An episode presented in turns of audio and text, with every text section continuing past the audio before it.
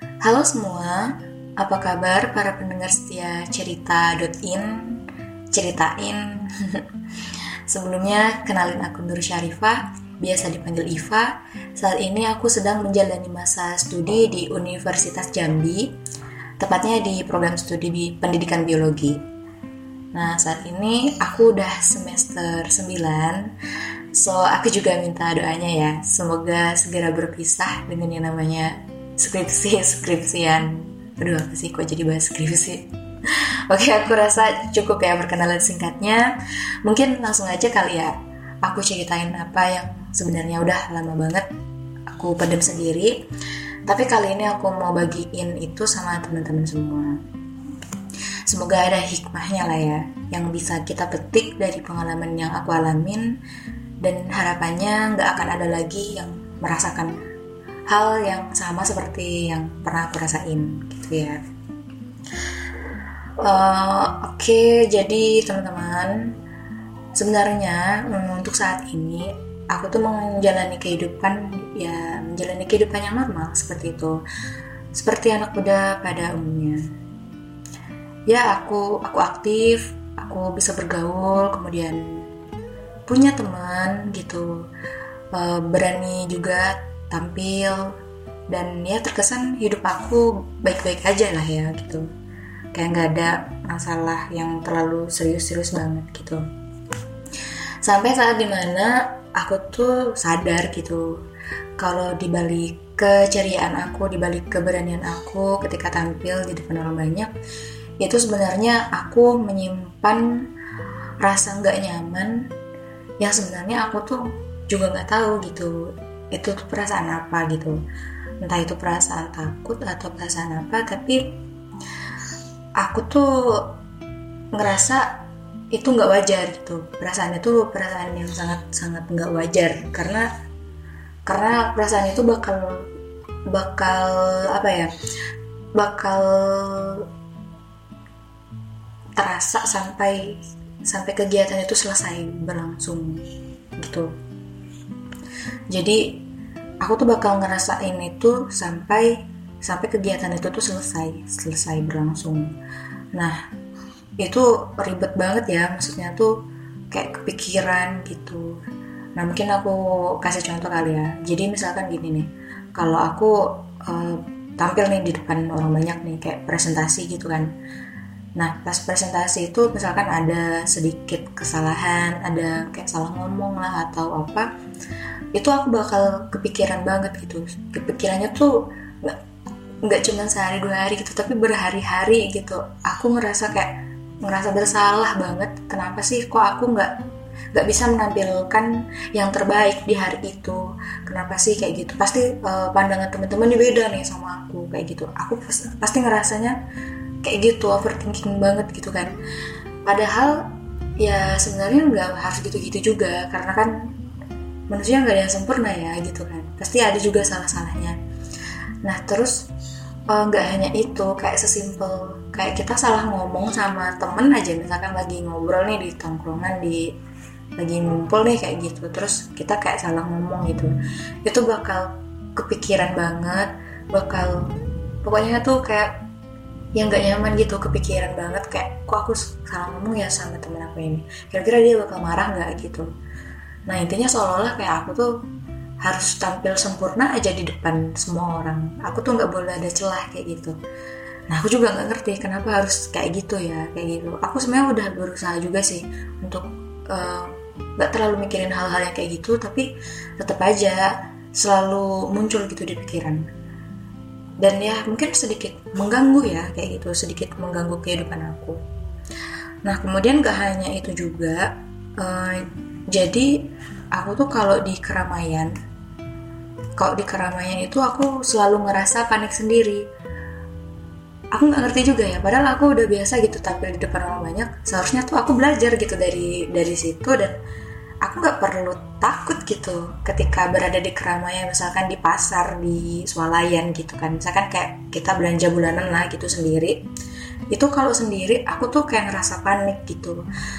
Jadi kayak e, sebisa mungkin mungkin aku kayak ngajak temen sih ngajak temen untuk nemenin aku akhirnya. Karena karena aku bisa sepanik itu gitu kalau di keramaian. Kayak uh, misalkan di keramaian ya aku lagi lagi jalan kayak gitu kan. Terus aku kayak ngerasa terancam gitu. Kayak tangan aku tuh udah mulai dingin. Kemudian aku juga lemes lemes banget gitu kan.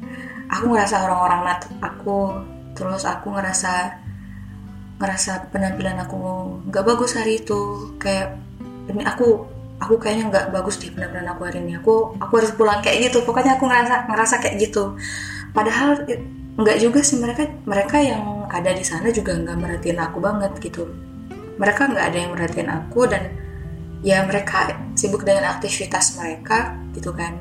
Mereka lihat pun paling oh ya udah cuman sekedar lihat doang gitu. Ya iyalah mereka kan punya mata juga gitu kan. Jadi ya akunya aja gitu yang over overthinking banget gitu jadi kalau untuk nyiasatin aku ketika aku di keramaian dan aku terpaksa sendiri gitu uh, di posisi misalkan di pasar atau di mana gitu kan aku biasanya nggak berani lihat lihat uh, mata mereka. Jadi aku mungkin lihat jidat mereka aja gitu.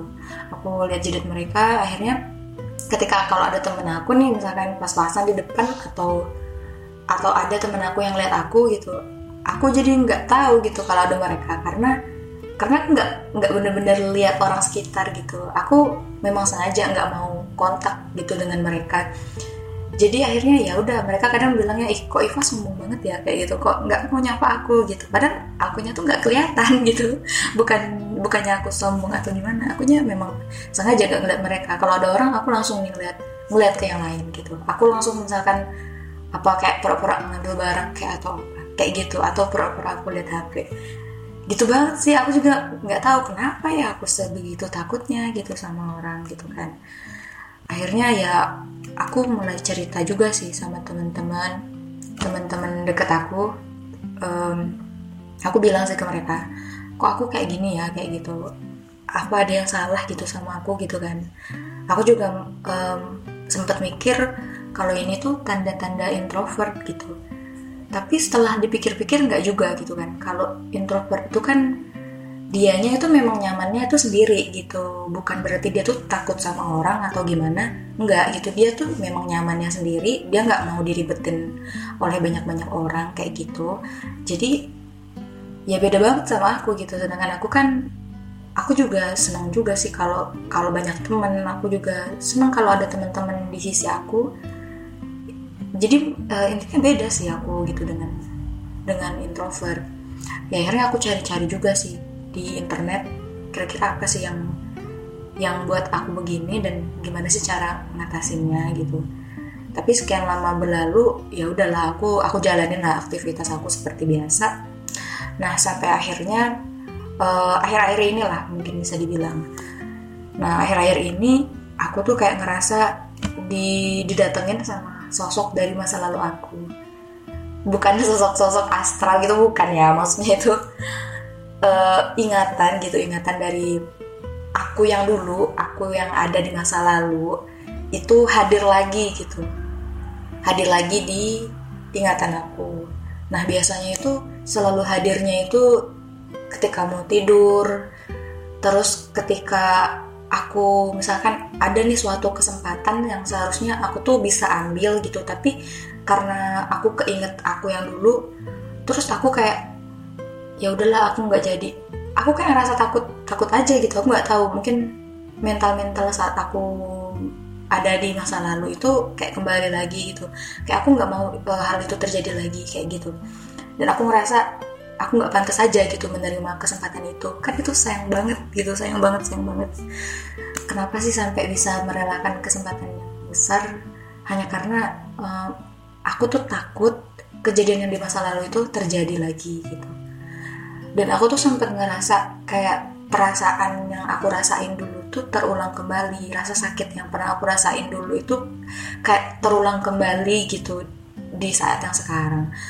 Dan itu mulai mengganggu kehidupan aku juga gitu. Aku jadi aku jadi murung aku jadi tiba-tiba diem kayak gitu. Kalau aku udah inget kalau misalnya uh, sosok-sosok itu udah mulai datang lagi nih kayak gitu udah keinget lagi nih aku jadi diem. Terus aku mungkin bisa nangis sendiri gitu untuk nginget-ngingetnya gitu kan. Jadi aku tuh ngerasanya ini kok kenapa ya? Kok ada ada ingatan itu lagi kok kenapa ingatan itu datang lagi kayak gitu. Nah, mungkin aku kenalin dulu kali ya, sosok masa lalu aku itu seperti apa, sehingga aku tuh kayak benci banget gitu sama dia dan berharap dia tuh hilang aja gitu dari dari ingatan aku gitu kan. Jadi teman-teman, sosok masa lalu aku itu namanya Ipe. Ya mungkin saat ini ada juga sih yang manggil aku Ipe, tapi image yang uh, eh, IP yang sekarang dengan image IP yang dulu itu beda gitu. Mereka dua dua orang yang berbeda. IP yang dulu itu memiliki penampilan yang kurang menarik bisa dibilang cupu lah gitu. Si IP juga bukan anak yang terlalu famous di sekolah dan dia juga nggak punya temen. Bagi dia hal yang paling menakutkan adalah pergi ke sekolah dan hal yang paling menyenangkan bagi dia adalah ketika pulang sekolah dan libur panjang. Agak lucu sih ya. Kayaknya kesannya malas banget nih anak gitu kan. Kenapa gitu ya? Mana anak cewek lagi gitu kan. Kok kok bisa dia nggak suka ke sekolah gitu kan? Terus ketika bangun tidur dan terdengar suara ayam gitu yang menandakan bahwa itu waktunya pagi dan harus uh, dan dia harus ke sekolah itu uh, dia tuh langsung uh, mendadak gemeteran gitu mendadak gemeteran. Dan mendadak kayak terserang demam gitu. Nah si Ipeh pun akhirnya kalau udah kalau udah ada gejala-gejala kayak gitu dia akhirnya cari-cari alasan tuh biar nggak pergi ke sekolah. Nah dia bilang ke ibunya bu aku demam. Bu aku nggak mau aku nggak bisa deh pergi ke sekolah hari ini. Kayak gitu. Nah mungkin kayak sehari dua hari ya orang tuanya kayak ya udahlah gitu kan mungkin demam. Tapi kalau udah udah dalam satu minggu itu kayak udah berapa kali gitu. Misalkan dalam satu minggu uh, aku tuh kayak bisa tuh aku kayak tiga hari aku nggak sekolah uh, si Ipeh ini nggak sekolah gitu. Kan itu nggak wajar banget gitu. Jadi ya ibu Ipeh ya marah lah gitu kan. Kenapa sih kamu itu kayak gitu? Kok males banget sih gitu kan? Sampai jadi marahin juga akhirnya kan sama orang tua. Ya udah ya dipaksa-paksa untuk pergi sekolah gitu. Nah akhirnya si Ipeh pun ya udah sekolah gitu kan. Nah kenapa sih uh, Ipeh tuh sampai sebegitu takutnya gitu uh, ketika pergi ke sekolah gitu. Jadi seperti yang aku bilang tadi, kalau Ipeh itu nggak punya temen. Ipeh tuh nggak punya teman sama sekali dan saking nggak punya temennya eh, nggak uh, ada yang mau baris di dekat dia terus nggak ada yang mau duduk sebangku dengan dia. Dan bahkan nggak ada yang mau gitu sekelompok sama dia. Jadi kalau misalnya pembagian kelompok gitu ya kayak teman-teman tuh ya udah mereka sama teman-teman mereka gitu. Terus aku tuh kayak sendirian gitu. Aku mau gabung ke sini uh, maaf ya ini udah udah penuh gitu. Maaf ya ini udah penuh kayak gitu. Sampai sempet kayak guru tuh bingung juga gitu kan. Kenapa ini kok nggak ada yang mau gitu kan. Yang pasti malu banget sih uh, kalau waktu di posisi IP waktu itu ya. Pasti rasanya sedih banget ya nggak ada yang mau gitu. Satu kelompok sama dia. Itu menandakan ya teman-teman itu nggak respect gitu sama dia gitu kan. Mungkin ada sesuatu yang buat teman-teman itu nggak suka gitu sama dia. Nah tapi si Peh ini masih nggak ngerti gitu kenapa sih teman-teman dia itu nggak nggak ada yang mau berteman sama dia. Jadi dia kalau setiap pulang sekolah nih kan setiap pulang sekolah yang dia lakuin itu ya cuma bisa nangis. Cuma bisa nangis di depan kaca terus marah-marah sendiri kayak gitu kan. Terus dia bilang apa aku sejelek itu ya? gitu. Sampai teman-teman aku tuh nggak nggak mau berteman sama aku apa aku sejelek itu gitu apa aku se semiskin itu ke aku gitu kan. Astaga kalau ingat rasanya sedih banget sih. Apa aku nggak setara gitu apa aku nggak nggak selevel sih sama mereka sampai sampai mereka sampai sampai mereka kayak gitu sama aku gitu kan. Sebegitu nggak sukanya gitu sama aku. Nah itu yang Ipeh bilang kan ketika di depan di depan kaca gitu kan. Nah setelah dia puas nangis dia puas marah-marah di situ. Akhirnya dia hapus air mata dia terus dia temuin ibu dan adik-adiknya dan seolah-olah ya nggak terjadi apa-apa gitu. Dia makan gitu kan dia dia cerita. Misalnya ditanya sama orang tuanya pun ya gimana sekolahnya? kayak gitu kan. Ya baik-baik aja kayak gitu. Nah mungkin di sini juga permasalahannya sih. Ya kenapa dia tuh nggak ungkapin itu ke orang-orang terdekat? Dia pendem-pendem aja sendiri akhirnya ya dia kepikiran sendiri dan dia stres sendiri gitu kan.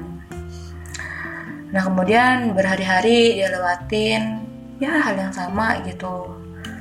Nggak ada pokoknya nggak ada yang berkesan banget lah di di sekolah nggak ada yang nggak ada hal yang menarik nggak ada hal yang menyenangkan bagi dia. Sampai saat di mana puncaknya itu ya uh, udah ada tuh salah satu temannya yang udah mulai berani nyuruh nyuruh dia. Kayak sebenarnya uh, mungkin orang-orang juga udah tahu sih kalau dia itu memang famous banget dan dia punya kedudukan mungkin kedudukan yang tinggi banget mungkin ya di situ ya. Kayak anak yang hit hits gitulah gitu. Nah dia udah mulai berani gitu nyuruh nyuruh dia. Jadi pada saat itu posisinya uh, si Ipeh tuh baru dari kantin dan si temannya ini nyuruh dia beli mie instan. Nah sontak si Ipeh tuh ya nolak lah ya. Karena kan posisinya di kantin tuh lagi rame banget dan dan udah mau masuk gitu. Jam pelajaran terakhir tuh udah mau masuk. Tapi uh, tiba-tiba si temannya ini ngambil es teh yang ada di tangannya Ipeh gitu kan. Yang dulu tuh kalau SMP itu ya kalau SMP tuh kayak es buntelan gitu loh ya es teh yang dibuntel gitu kan. Jadi diambil sama dia terus dilempar-lemparnya ke atas. Terus mau diambil sama Ipe juga susah banget kan dia tinggi banget ya waktu itu. Jadi aku aku mungkin masih pendek ya kayaknya waktu itu ya. Nah terus akhirnya karena susah juga kan ngambil es tehnya ya udahlah akhirnya aku akhirnya si Ipe tuh nurutin aja gitu. Nurutin aja dia ke kantin dan ternyata di kantin mie-nya itu udah habis gitu. Karena ya udah udah banyak banget orang yang beli ya jadi ya udah habis aja gitu kan. Akhirnya Ipa balik akhirnya si Ipa balik lagi dong. Ipa balik lagi ke kelas dan ternyata si ST nya itu itu tuh kayak udah berbusta udah kayak udah dimain-mainin udah nggak layak lagi untuk diminum udah nggak dingin lagi gitu. Dan dia sambil ketawa-tawa nih katanya es tehnya kayak gitu kan.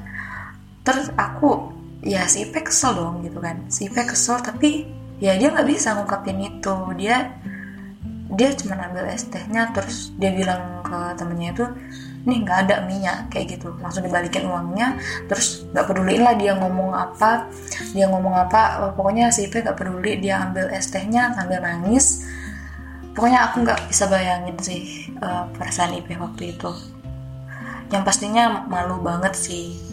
Udah gitu teman-teman di sekitar dia juga ya mereka itu uh, sibuk dengan kes kesibukannya masing-masing gitu. Mereka tuh kayak nggak sadar aja gitu kalau kalau ada yang salah loh di situ kayak gitu. Nggak ada loh memang yang bener-bener ngebelain atau apa tuh nggak ada gitu jadi sampai saat guru gurunya masuk pun si Ipeh tuh masih masih nangis gitu masih berlinang-linang gitu. Air matanya masih masih ya ditahan-tahan gitu kan. Tapi tetap aja kan namanya cewek ya pasti netes-netes air mata. Tapi ya gurunya alhamdulillahnya nggak sadar gitu kan si nya terus dia bilang dalam hatinya pokoknya suatu saat nanti aku nggak aku nggak mau kayak gini lagi. Aku aku nggak mau direndahin kayak gini lagi kayak gitu. Dia bilang kayak gitu dalam hati dia dan ya dia belajar lah dia belajar lagi dia ya dia ngikutin pelajaran sampai sampai terakhir dan akhirnya uh, dia pulang kayak gitu. Dan seperti seperti hal yang biasa dia lakukan ya dia nangis lagi depan kaca terus dia marah-marah lagi kayak gitu. Ya kayak gitulah hari-hari Ipeh dia lewatin dengan kesedihan gitu kan yang harusnya sebenarnya kalau uh, remaja-remaja seumuran Ipeh itu ya mereka itu lagi senang-senangnya gitu. Lagi ya lagi mencari jati dirinya gitu kan. Lagi fokus-fokusnya untuk belajar. Kalau di sekolah itu ya bercanda gitu sama teman punya teman punya punya geng gitu kan. Kalau zaman zaman SMP itu kan bisa jalan-jalan pergi ke mana pun nah tapi IP tuh nggak bisa ngerasain itu semua gitu. IP ngerasanya kesepian aja sih waktu itu. IP ngerasanya ya nggak ada aja gitu yang berkesan di sekolah. Bahkan ya dia dia pun kalau udah nyampe rumah ya udah dia nggak nggak ngapa-ngapain. Paling dia main sama adiknya. Dia nggak ada tuh kayak cerita uh, kayak main ke rumah temennya kayak atau jalan-jalan sama temennya itu nggak ada gitu. Ya kesepian banget sih si Peh waktu itu. Nah kemudian nggak hanya itu ya uh, ada juga sih uh, perilaku-perilaku temennya yang salah satu temennya sih nggak semua gitu ya. Salah satu temennya yang yang udah menurut aku sih udah keterlaluan banget gitu jadi ada uh, waktu itu uh, si IP itu lagi baris kayak gitu. Jadi kan kalau sebelum masuk ke dalam kelas itu seluruh siswa itu harus baris dulu gitu. Setiap hari lah mungkin ada pengarahan dari gurunya atau apa. Nah si IP itu baris gitu. Karena nggak ada yang bener-bener gak ada yang mau baris sama dia gitu ya. Jadi itu misalkan ada nih yang baris di samping aku itu pasti dicie-ciein. Aku juga nggak ngerti ya. Maksudnya tuh kayak dicie-ciein. Dan dia tuh nggak mau gitu dicie-ciein. Aku juga nggak ngerti. Mungkin kayak ngejek gitu loh. Ih mau baris sama Ipe kayak gitu loh. Sampai aduh segitunya banget. Nah akhirnya uh, waktu itu aku waktu itu si Ipe uh, barisnya di samping cowok kan. Nah si Ipe baris di samping cowok. Terus si cowok itu marah gitu kan. Aku juga nggak tahu kok dia sebegitu nggak maunya gitu baris sama aku. Sampai sampai dia tuh dorong aku gitu. Pas dia dorong uh, dorong aku ya aku kaget dong. Terus untung aja di belakang itu ada yang nangkep aku. Terus kayak ih kenapa sih kayak gitu? Kok sebegitu nggak maunya gitu baris sama aku? Ya yang pastinya malu dong diperlakuin kayak gitu kan didorong sampai hampir jatuh karena nggak mau baris. Wih ya ampun itu nggak bisa bayangin sih.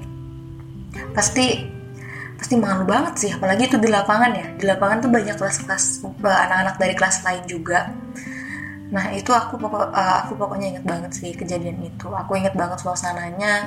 Dan kalau aku inget-inget lagi rasanya tuh gak bisa kebayang sih. Gak bisa ngebayangin sih.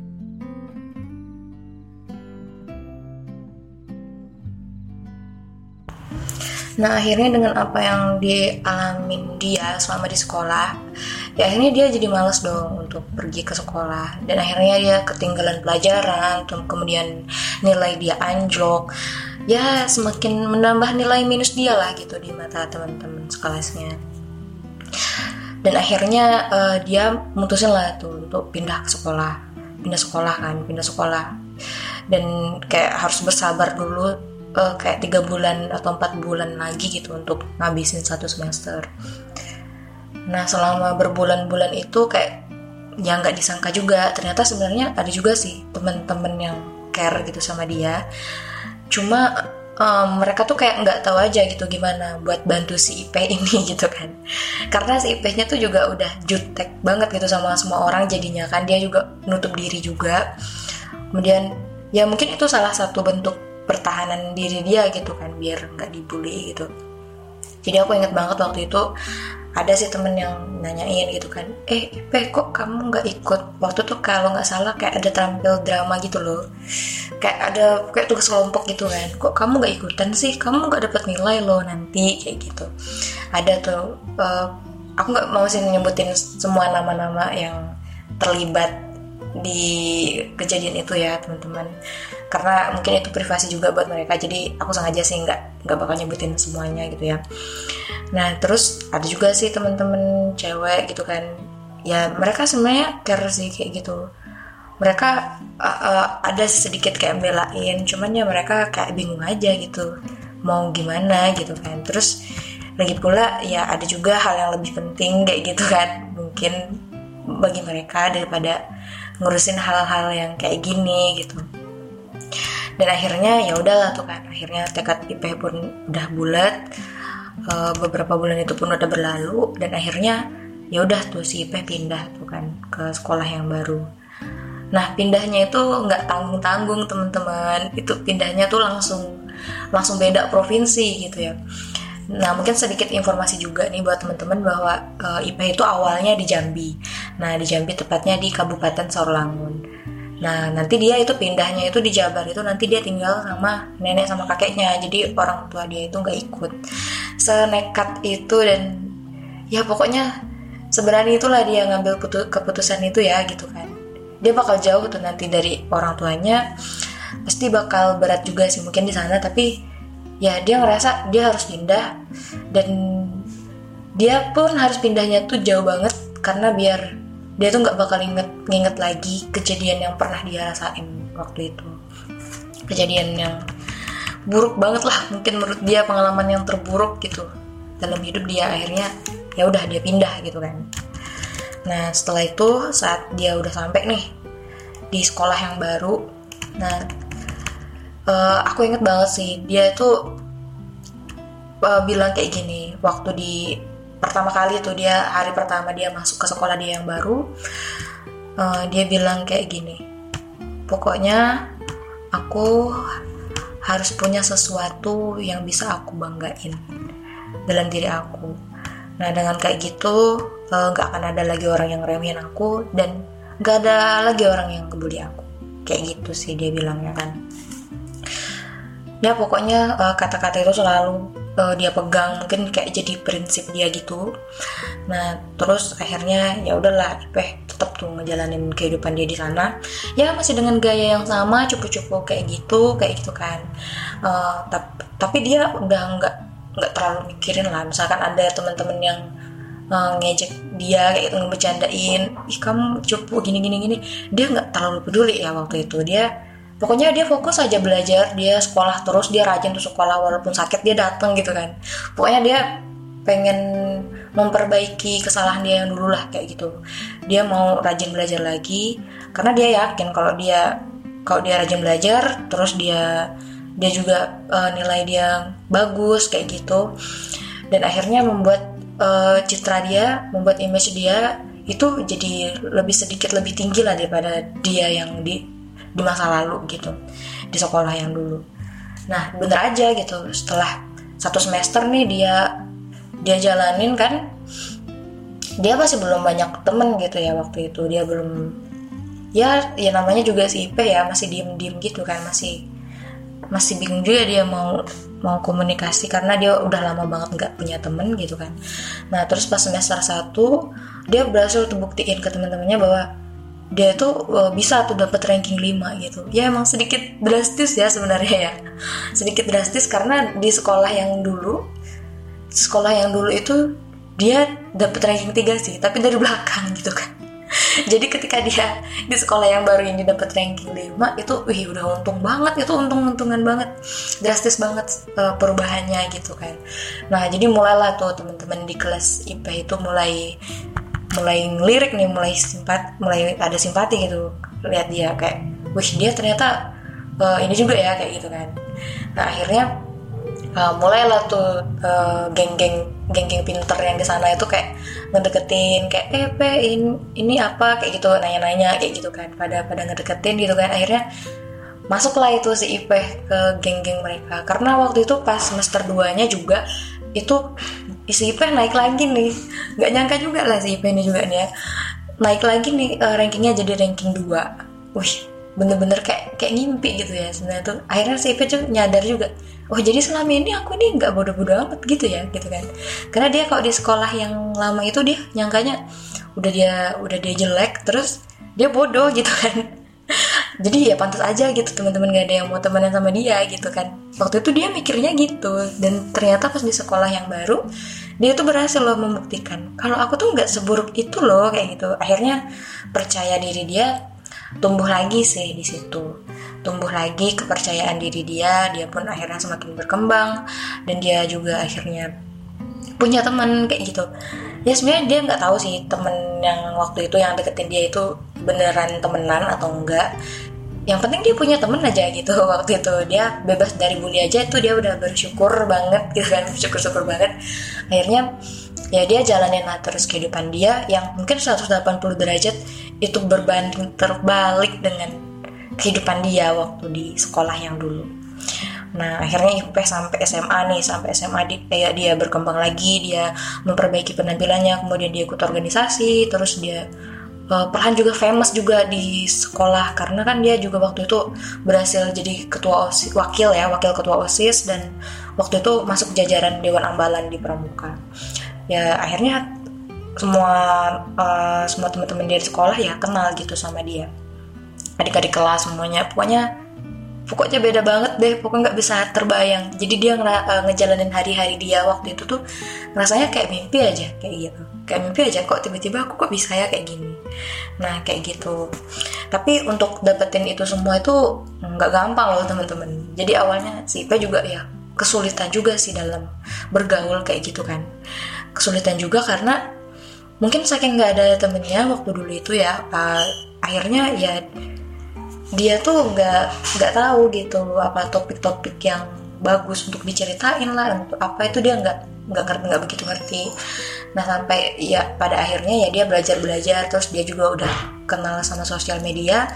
Nah setelah itu uh, dia juga udah punya mulai mulai punya temen. Akhirnya ya udah IP nggak nggak kudet kudet banget kayak dulu kan. Dia mulai bisa bergaul dan ya bisa dibilang ya asik lah. Maksudnya tuh nggak nggak terlalu ini ini banget gitu. Nggak terlalu pendiam pendiam banget dia orang.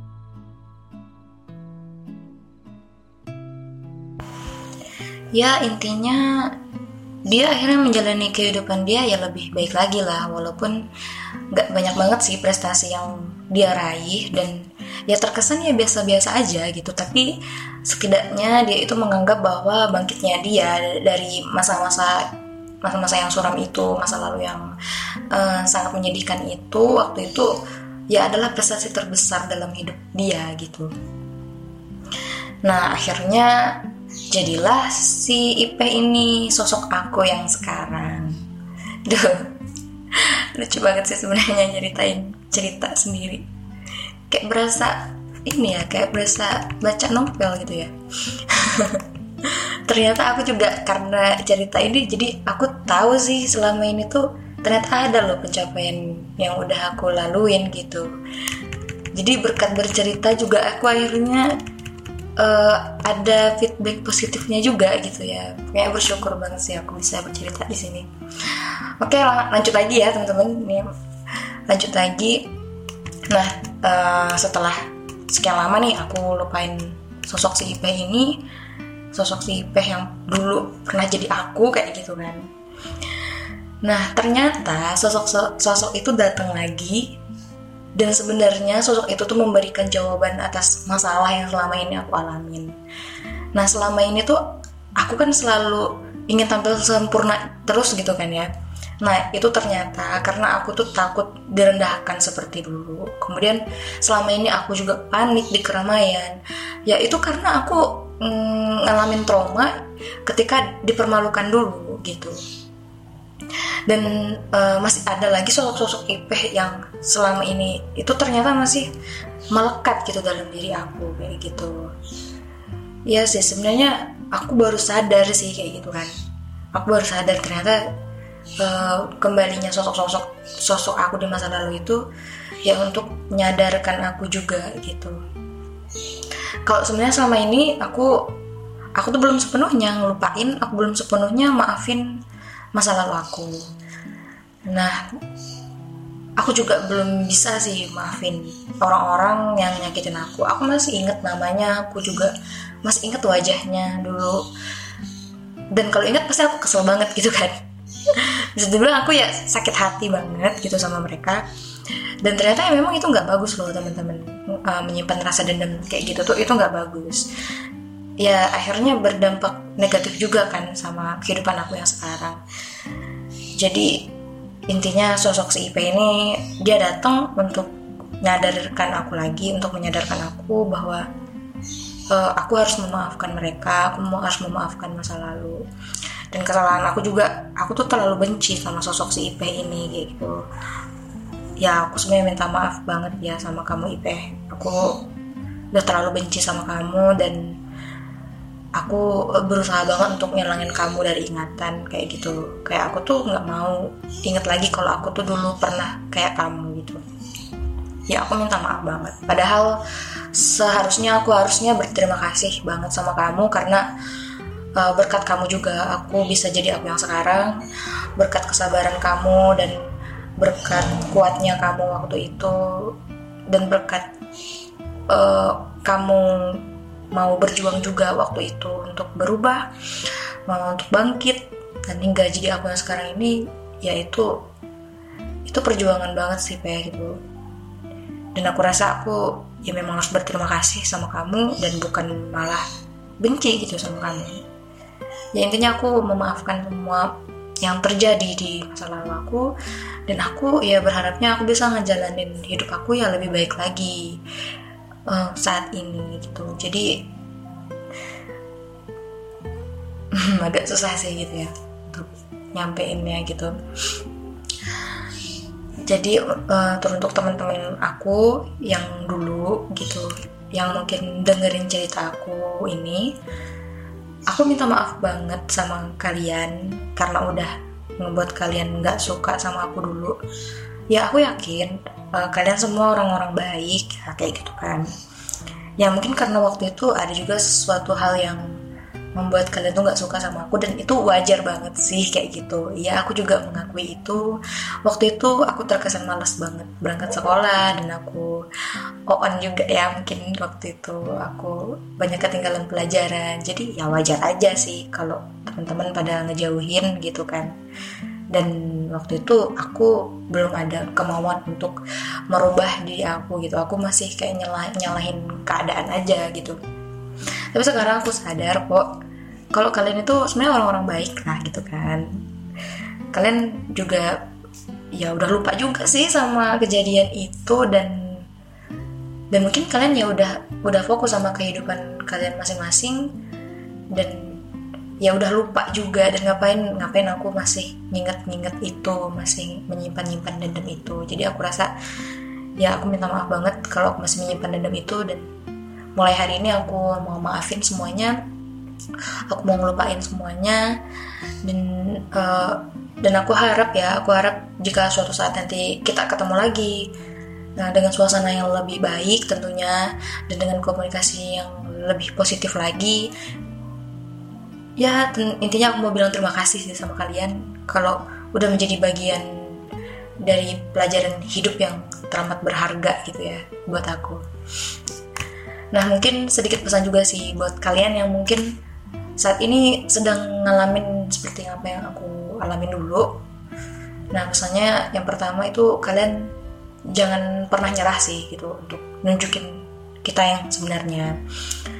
Jadi kita itu terlahir di dunia ini udah diberi porsi kelebihan masing-masing loh teman-teman. Jadi jangan pernah uh, ngerasa kalau kalian tuh nggak berguna kalian tuh dan kalian tuh pasrah aja gitu dengan keadaan kalau kalian dibully itu jangan ya teman-teman.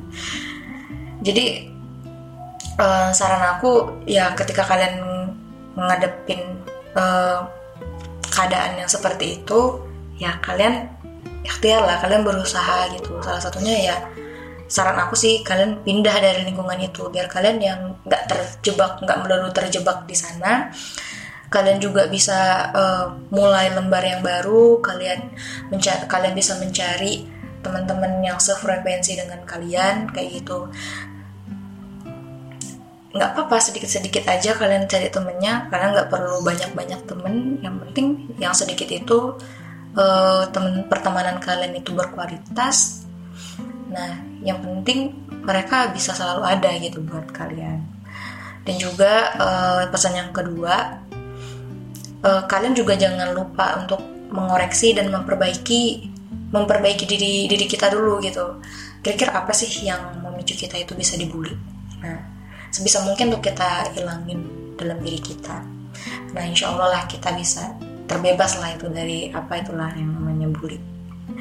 Nah dan buat kalian juga nih yang masih suka ngebully nih tolong banget tolong dihentiin deh dari sekarang karena apa yang kamu lakuin itu pasti bakal membekas banget sampai kapan pun di hati korbannya. Ya contohnya salah satunya aku nih gitu kan. Aku lagi ngerasain nih sekarang.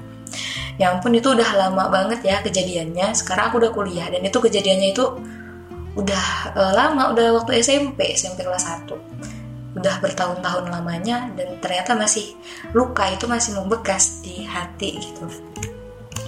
Dan ketika kalau misalnya orang yang kalian bully itu dendam gitu dan melakukan hal-hal yang tidak diinginkan kan tentunya teman-teman gak mau juga kan kalau hal itu terjadi gitu. Jadi uh, lebih baik ya teman-teman berteman seperti biasanya aja lah kayak gitu. Jadi orang yang positif aja gitu jangan jangan jadi kayak gitu. Untuk uh, me, apa menarik perhatian orang tuh nggak gitu-gitu juga gitu kan. Nggak nggak harus dengan oh aku nih punya kuasa loh di sini. Aku aku punya kekuatan loh kayak gitu. Aku orang kaya loh di sini. Nggak nggak gitu juga loh teman-teman misalkan ya. Nah jadi udah saatnya lah kita itu dihargain itu karena karya kita, karena kemampuan kita, dan karena kepribadian kita gitu ya teman-teman. So jadi uh, stop bully, let's be a positive person dan tebarkanlah kebaikan di mana pun kalian berada. Mungkin itu lebih baik sih, akan lebih damai gitu ya kehidupan ini. akan lebih damai kehidupan ini tanpa si pembuli-pembuli gitu ya.